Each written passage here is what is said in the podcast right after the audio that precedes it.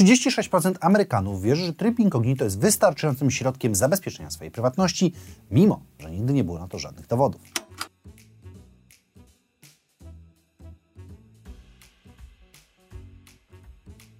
Idea bezpieczeństwa zapewnionego przez tryb incognito jest tak stara jak jego istnienie.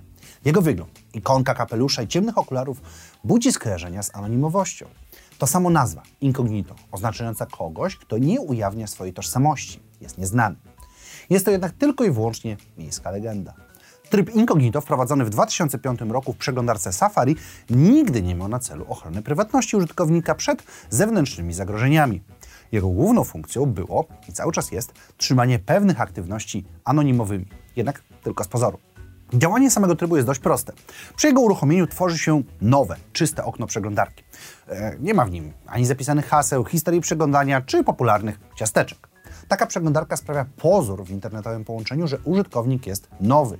Nigdzie wcześniej nie zaglądał i nie posiada żadnych kont. Do tego, po wyłączeniu takiego okienka na komputerze nie zostają większe ślady po takiej aktywności. Wydawać by się mogło, że tryb incognito jest bezpieczny, lecz jest to nieprawda. Ma swoje ograniczenia i limity. A wiecie co nie ma limitów?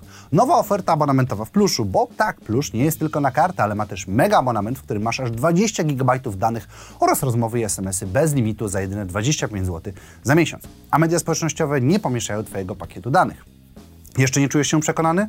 To dodatkowo ofercie możesz dostać smartfon Realme 8 5G i powerbank 18 W za jedyną złotówkę. Zatem nie czekaj, tylko sprawdź link w opisie.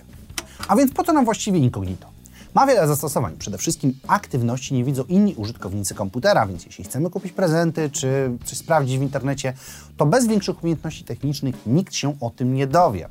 Według badań 48% ankietowanych nie chce mówić z jakiego powodu używa trybu incognito i nie dowiemy się tego, ale możemy się domyśleć. Dlatego tryb incognito może pomóc w zakupach online, do czego zresztą przyznaje się 18% badanych. W jaki sposób?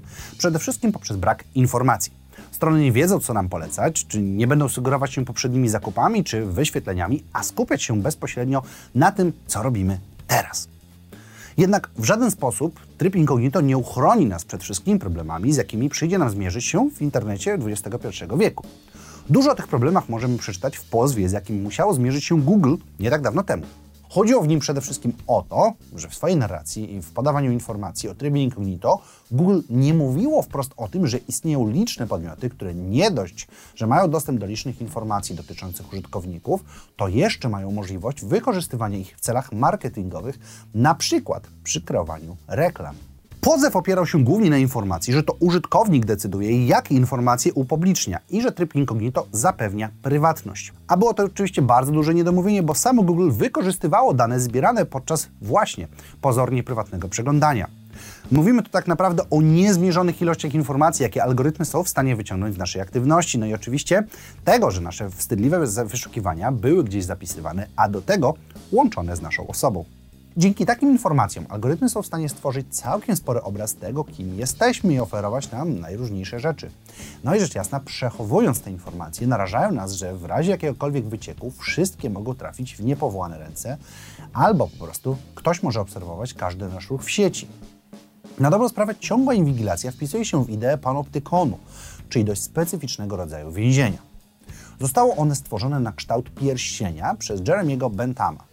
W nim więźniowie mają być zamknięci, jednak uświadomieni, że zawsze, niezależnie od pory dnia, mogą być obserwowani. Sami jednak nie wiedzą, kiedy to będzie, ponieważ nie widzą oni punktu obserwacyjnego. Panoptykon ma wywoływać poczucie niepokoju wynikające z ciągłej niepewności i poczucia bycia obserwowanym, przy jednoczesnym nieangażowaniu dużej ilości ludzi do tego procesu. Obecny kształt internetu powoduje, że jesteśmy poniekąd więźniami takiego panoptykonu, narażeni na ciągłą inwigilację z praktycznie każdej strony. Naszą aktywność widzą właściciele przeglądarek, dostawcy internetu, media społecznościowe czy rządy. Do tego informacje te krążą między nimi i do nich, stwarzając zagrożenie, że wpadną one w ręce osób chcących je wykorzystać w niecnych zamiarach. W 2019 roku 14 milionów osób stało się ofiarami kradzieży tożsamości wynikającej nie tylko z nierozważnego używania komputera, ale głównie z wycieków danych, gdzie to drugie stanowi 65% wszystkich przypadków. Co każde dwie sekundy pojawia się kolejna osoba, której tożsamość jest skradziona, a wartość tego procederu to 2 miliardy dolarów rocznie. Prawdziwym problemem może być, kiedy w przyszłości Wstydliwe wyszukiwania haseł w Google mogą być wyciągane na światło dzienne podczas przykład kampanii politycznych albo w procesie rekrutacji. Nawet jeśli robimy coś z czystej ciekawości czy zaciszu własnego domu, odpowiednie połączenie wyszukiwanych haseł z naszą osobą może wykluczyć nas ze społeczeństwa w taki sposób, jak bycie powiązanym z organizacjami przestępczymi. Czy więc w obliczu tak dużego procederu i faktu, że tryb incognito nas nie chroni, mamy jakieś szanse? Tak, mamy ich dużo.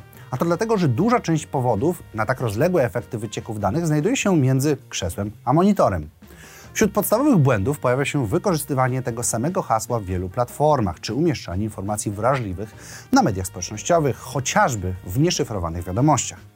I o ile pisanie ze znajomymi jest rzeczą normalną, o tyle wysyłanie różnych wrażliwych informacji, czy przykład zdjęć, dokumentów za pomocą słabo zabezpieczonych kont lub przez Messengera, aż prosi się o problem. Tak samo jak trzymanie się tych samych haseł i nie zmienianie ich przez dłuższy czas. Im częściej używamy jakiegoś hasła, im dłużej go nie zmieniamy, tym większa szansa, że któryś z wycieków ujawni je publicznie. Takie wycieki możemy kontrolować na przykład na stronie Have I Been Pwned i gdy zauważymy tam serwis, na którym mamy konto, to lepiej zmienić hasło. Dodatkowo zawsze warto posiadać weryfikację dwuskładnikową, czy to za pomocą specjalnych tokenów, czy po prostu telefonu. Dzięki temu wiemy, kiedy ktoś próbuje wejść na nasze konto, a nawet niezauważony wyciek nie będzie dla nas tak groźny. Do tego warto uważać na swoje działanie w internecie, nie wchodzić na podejrzane strony, by nie zainstalować przez przypadek oprogramowania szpiegującego. Używanie mniejszych przeglądarek, które nie należą do informacyjnych gigantów, również zmniejsza szanse na ewentualną inwigilację. Możemy zmienić też metody komunikacji. Duże i popularne serwisy nie szyfrują swoich wiadomości, przez co są one dostępne dla wszystkich, którzy hm, znają fach. No i dla tych samych właścicieli tych serwisów. Mogą oni, rzecz jasna, zapewniać o tym, że respektują prywatność swoich użytkowników, ale tylko w ostatnich 10 latach firmy takie jak Google, Uber, Yahoo, Adobe czy wiele innych miało problemy z zabezpieczaniem danych swoich własnych użytkowników. Jest wiele metod, jak można chronić się przed atakami na swoją prywatność, jednak bardzo często wystarczy mniej ufać temu, co się przeczyta i więcej myśleć przy tworzeniu nowych kont. Dłuższe hasła czy weryfikacja dwuskładnikowa wydają się być upierdliwe, jednak na pewno są dużo mniej szkodliwe niż konieczność radzenia sobie z potencjalnymi szkodami po włamaniu na konta. Używanie mniej znanych przeglądarek czy innych komunikatorów też wydaje się męczące. Jednak to niewielka cena dla spokojnego snu z wiedzą, że nasze dane są bezpieczne. Na dzisiaj to wszystko, a Was gorąco zapraszam do sprawdzenia nowej oferty abonamentowej w Pluszu, a wszystkie szczegóły znajdują się w opisie. Dlatego zachęcam do sprawdzenia innych odcinków, które są dostępne tutaj. Każdy odcinek możecie odsłuchiwać jako podcast, a także zobaczyć Instagrama. My widzimy się w każdy piątek. Cześć!